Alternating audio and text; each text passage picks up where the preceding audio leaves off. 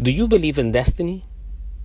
Do you believe that you have a fixed destiny? Or do you believe that we build our destiny on our way in our life? Doesn't matter really what the answer is. What you have to know is that you have to help your destiny to be fulfilled.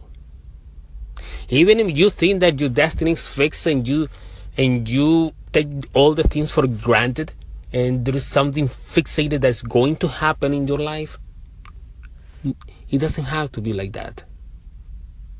It doesn't have to be like that.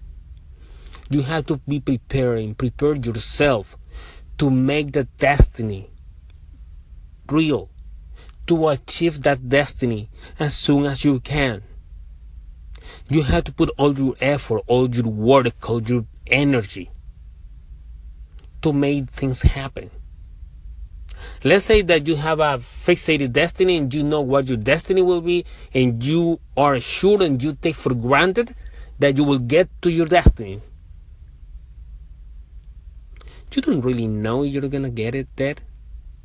You don't really know you have enough time to get there. Even you don't know if, as a matter of fact, we have already a pre-planned destiny or a fixated destiny where we have to arrive. We don't really know. But where we do know for sure is that we can take things and make them happen. What we know for sure is if I want something, I want to get something, I will do whatever possible, whatever it takes to make it happen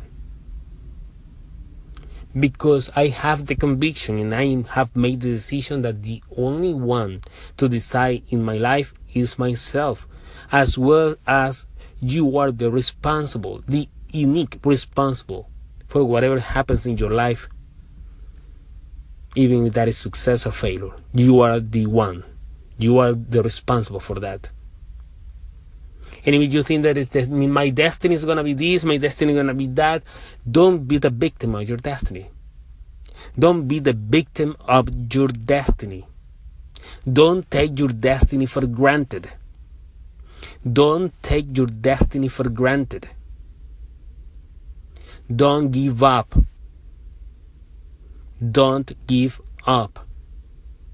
The only way that you can accomplish something and the only way you can make for sure your destiny be fulfilled is that you help your own destiny.